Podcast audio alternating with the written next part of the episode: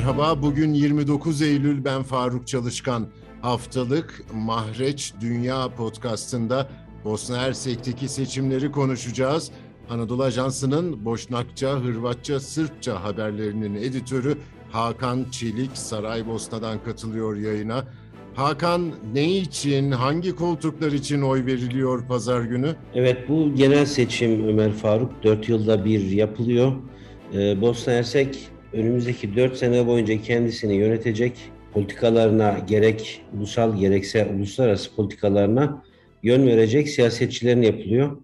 Aslında ne için yapılıyor bu gerçekten biraz e, cevabı uzun bir soru. Çünkü çok fazla seçilecek aday var. Çok fazla pozisyon var.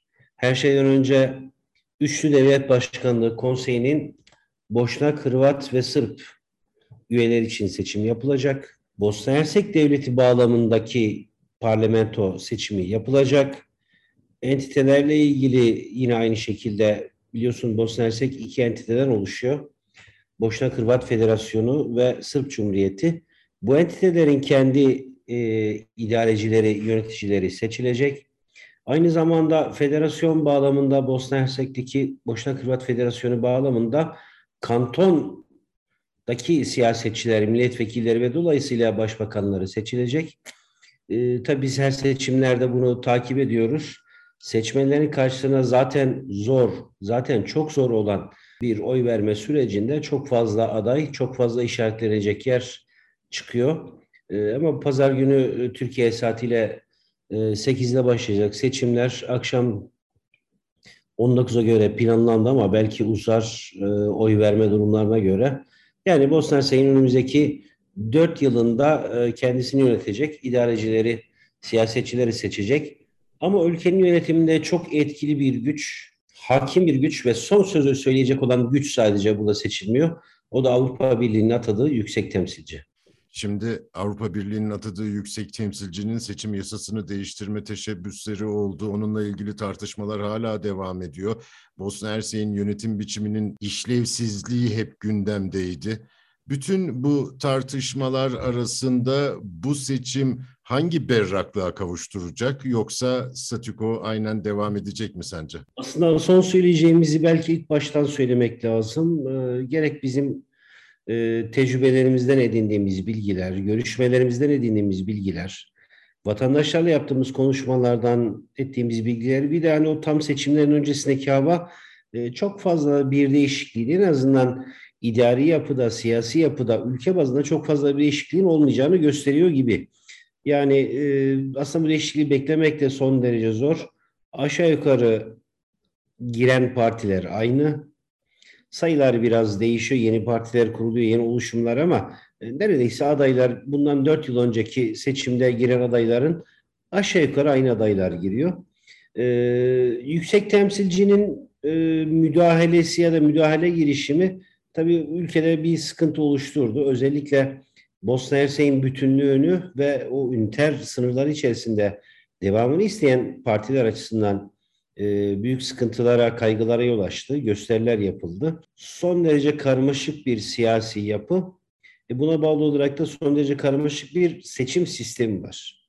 Tabii 95 yılındaki, 95 sonundaki Dayton Anlaşması'yla bu ülkenin bir şekilde anayasası oluşturulmuş. O da ayrı bir tartışma konusu ama bir şekilde yönetim birimleri belirlenmiş. Bugün 2022 yılındayız. Yaklaşık olarak 27 sene, 28 senedir hani bir şekilde devam ediyor. Aslında bu tartışmaları yol açan yüksek temsilcilik belki de bir şekilde bugüne kadar getirdi. Yoksa e, son zamanlarda yine Sırp liderin söylediği ayrılma, parçalanma, e, kendi hakkı, kendi bağımsızlığına ilan etme şeyleri belki çok çok daha önce kayıtlara geçecekti. Belki Allah göstermesin çok daha önce uygulamaya geçecekti. Ama bu gelen seçimlerde en azından e, şu anda gösteriyor. Tabii son gün seçimdir bu. Seçmenlerin tercihleri nasıl olur? E, çok net olarak bir şey söylemek son derece zor. E, ama çok fazla bir ülkenin önümüzdeki yıllardaki siyasetini değiştiremeyecek. Aslında seçimlerde çok fazla insan var. Tabii malum hep Türkiye'de de biz haberciler ya da Bosna Hersek'le ilgili konuşanların e, siyasi yapıyı anlatırken ilk başlıklı cümle şudur. Çok fazla aday var ya da çok fazla yönetim birimi var. Ee, ülkenin en tepesindeki yönetim birimi Cumhurbaşkanlığı Konseyi'nin üç üyesi bu oldukça e, tartışmalı e, geçecek bir seçime benziyor. Özellikle Hırvatlar açısından. E, onun sonucunu biz de merakla bekliyoruz. Bir tarafta iki aday var. Daha önceki e, seçimlerdekinin aksine daha fazla adaylar oluyordu ama bu sene sadece iki aday var. Birisi Jelko Komšić, Demokratik Cephe'nin başkanı ve adayı. E, Bosna Hersek'in devamından yana, Bosna Hersek'in mevcut sistemi devamından yana bir Bosna Hersek e, kavramından yana ki kendisi de savaşta zaten Bosna Hersek için savaşmış, altın zambak madalyasına kazanmış birisiydi. Diğer aday da e, Hırvat Demokrat e, Hırvat Demokrat Birliği'nin adayı. Onlar bir neredeyse ülkedeki hemen hemen bütün Hırvat partilerin oluşturduğu bir konsorsiyumun adamı, adayı gibi. E, ikisi arasında kıran kırana bir yarış geçecek. Zaten bu seçim kanun değişiklikleri de biraz da e, Hırvatların bastırmasıyla ya da istekleriyle e, sanki gündeme gelmiş gibiydi. Nitekim bundan iki gün önce Hırvatistan Devleti'nin resmi Twitter hesabından e, Başbakanla Cumhurbaşkanı araları gerçekten epeydir kavgalılar. E, kendi Cumhurbaşkanlarını adeta kötülemek isterken e, bir şeyin itirafında bulundular. Bu seçim kanunuyla ilgili Hırvatistan hükümetinin yani Bosna Hersek Hırvatların değil Hırvatistan hükümetinin çok uzun zaman görüşmeler yürüttüğünü, pazarlıklar adeta yürüttüğünü ama Cumhurbaşkanı'nın Hırvatistan Cumhurbaşkanı müdahalesiyle bu görüşmelerin akamete uğradığını belirtti şekilde bir tweet attılar. İşte bu ikinci aday da bu seçim kanunundaki değişiklikleri isteyen partilerin ortak adayı. E, ne istiyor bunlar? E, çünkü federasyonda yaşayan insanlar, seçmenler oy verirlerken e, ister boşnak üyeye isterse de Hırvat üyeye oy verebiliyorlar. Yani Hırvat üyeyi sadece e, Hırvat'tan seçmesi gibi bir şey mevzu bahis değil. Federasyon da kayıtlı seçmenler seçebiliyor. İşte bu e, ikinci taraf, öbür taraf e, Hırvatların itiraz ettiği madde buydu. Dar bölge benzerimsi bir seçim sistemi istiyorlardı. E, iki gün önce de gördük. E, bunun için de Hırvatistan'ın lobinin ötesinde pazarlıklar yaptığı ortaya çıktı. E, orası gerçekten sıkıntılı olacak. Sonuç her ne olursa olsun büyük tartışmalar onun devamında gelmesini ben bekliyorum.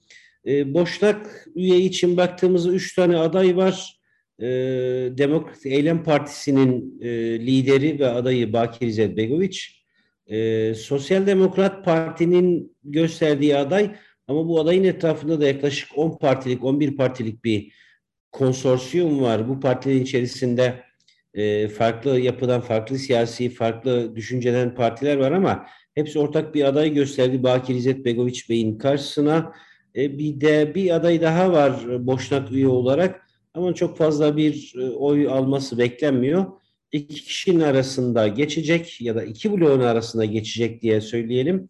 E, Sırp üye için Cumhurbaşkanlığı Konseyi'nin Sırp üyesi için de e, Milorad Dodik beklentilerin aksine e, geçen dönem yapmıştı da şu anda zaten e, Cumhurbaşkanlığı Konseyi üyesi ama tekrar aday olmayacağını açıkladı. Onun yerine mevcut Republika Srpska entitesinin Cumhurbaşkanı Jelko Cvijanović'i aday göstereceğini söyledi. E, zannediyorum belki de bu iki üçlü sistem içerisinde e, herhalde en rahat işi olacak olan e, Milorad Dodik'in gösterdiği, onun partisinin gösterdiği aday olacak gibi. Dinleyicilerimiz şunu söylediği zaman kesinlikle katılıyorum. Ya çok karışık anlatıyorsunuz. E, yapacak fazla bir şey yok. Sistem çok karışık. Şimdi kademe kademe aşağıya doğru inersek e, devlet bazında seçimler var. Temsilciler meclis seçimleri yapılacak. Bosna Hersek hükümeti için milletvekilleri seçimleri iki tane meclis var biliyorsunuz. Bunlar yapılacak. E, onun bir aşağısına indiğimizde federasyonda aynı şekilde kantonların yetkilileri, siyasetçilerin seçimleri yapılacak. E, zannediyorum 154 siyasal parti ve siyasi oluşum bu seçimlere girecek. Seçim sonuçları da çok kolay açıklanmıyor çünkü çok fazla sayılacak, çok fazla e, işlenecek bilgi var. E, ama önümüzdeki baktığımızda bu seçimlerin de e, tabii bu şu anda Saraybosna'da yaşıyoruz. Arkadaşlarımızla beraber bütün ülkeyi geziyoruz. Siyasetçilerle görüşmeler yapıyoruz. Bunlar zaman zaman röportaj, zaman zaman birebir fikir teatisi, fikir değişmesi gibi.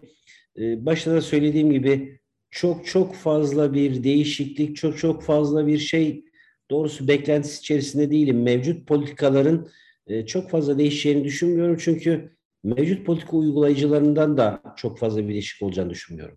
Şimdi bu kadar çok aday var, bu kadar büyük bir rekabet var. Peki halka yansıması nedir? Seçim ilgi görüyor mu? Evet aslında şunu söylemek lazım. E, dediğim gibi çok fazla aday var. Eğer hani iyi bir ortama denk gelirseniz biraz kalabalıkta bir aileniz varsa herhangi bir yerde aday olup çok kolaylıkla ama kanton meclisinde ama federasyon meclisinde ama Bosna Hersek meclisinde bir yer bulabilirsiniz. Tabi bu işin biraz da esprisi. E, açıkça söyleyeyim bir seçim havası var ama bizim o Türkiye'de alıştığımız şekilde değil. Doğrusunu söylemek gerekirse e, Balkan ülkelerinde genelde yüzde elli artı katılım fena bir katılım sayılmaz. E, bu bir iddia değil. Ben de merakla bekliyorum. E, bu seçimlerin 2 Ekim'deki genel seçimlerin katılım oranları ne kadar olacak? Doğrusu ben de merakla bekliyorum. Resmi rakamlara göre 3 milyon 300 bin civarında seçmen var. Ama açık yüreklilikle söylemek gerekirse özellikle son 7-8 yıldaki demografik hareketliliği de düşündüğümüzde bütün ülkede o kadar insan yaşayıp yaşamadığından da son de çok çok da emin değilim doğrusu. Bu bağlamda bu seçimlerin belki de en fazla e, en yüksek pasta dilimindeki en yüksek oran seçimlere katılmayan ya da oy vermeyen vatandaşlar olacak gibi. Çok fazla insan bu ülkeyi e, terk etti ya da bu ülkeden ayrıldı. Batı ülkelerine e, o ülkelerin sağladığı imkanlar ya da kendi imkanlarıyla gidip Batı ülkelerinde iş buldular ve orada çalışıyorlar. Tabii malum Ekim ayı okullar açıldı. Aileler çocuklarını bırakamaz ya da bir yaz tatil dönemi değil. Almanya'da ya Fransa'da herhangi bir yerde yaşayan bir boşluğun çıkıp da gelmesini buraya oy kullanması 3-4 gündür teknik olarak çok fazla mümkün değil de gibi. Ama yine aynı şekilde sadece Bosna Hersek'in değil bölge ülkelerinde genel böyle bir e, eğilim de var. Diasporanın seçimlere katılım oranları e, diasporaya sunulan imkanlar neticesinde Bosna Hersek bu imkanlar oldukça fazla mektupla bile oy verebiliyorsunuz. O seçim kütüklerine kendilerini kaydetme oranları ve güncellenen kütüklerde yer almaları ve ve ve sonuç olarak da oy kullanma oranları çok düşük. Yani yaklaşık 900 bin kişi Bosna Hersek diasporasında gözüküyor yurt dışında. Yani oy verme hakkına sahip. Ama bunlardan zannediyorum 90 bin civarında ancak bir katılım oldu yani. Onların da büyük elçiliklere gidip ya da mektupla oy veren sayısında çok fazla olacağını düşünmüyorum. Bu bağlamda halkın aslında dediğim gibi bu seçimlere bakışı çok fazla bir değişiklik beklentisi olmayınca, yeni bir yüz, yeni bir harekette olmayınca e, katılımın nasıl olacağını doğrusu ben de merak ediyorum. Yüzde 50'nin altına düşer mi onu da merak ediyorum ama öte yandan da şey var. Şöyle bir durum da var. E, belli bir hareketlilik de var. Belli bir heyecan da var. Özellikle Boşnak ve Hırvat e, Cumhurbaşkanlığı adayları arasında e, oluşan rekabetin oluşturduğu bir hareketlilik de var. Belki oradan dolayı biraz katılımda belli bir şey olur diye düşünüyorum. Ee, ama bizde pazar akşamı Yüksek Seçim Kurulu'nun ki ilk e, resmi açıklamalar birkaç gün sonra geliyor. Seçimlere katılım oranı, oy verme oranlarıyla ilgili sonuçlarını biz de doğrusu özellikle bu seçimde merakla bekliyoruz. Saraybosna'dan Hakan Çelik'e çok teşekkür ediyorum. Bizi hangi mecrada dinliyorsanız orada abone olmayı lütfen unutmayın. Hoşçakalın.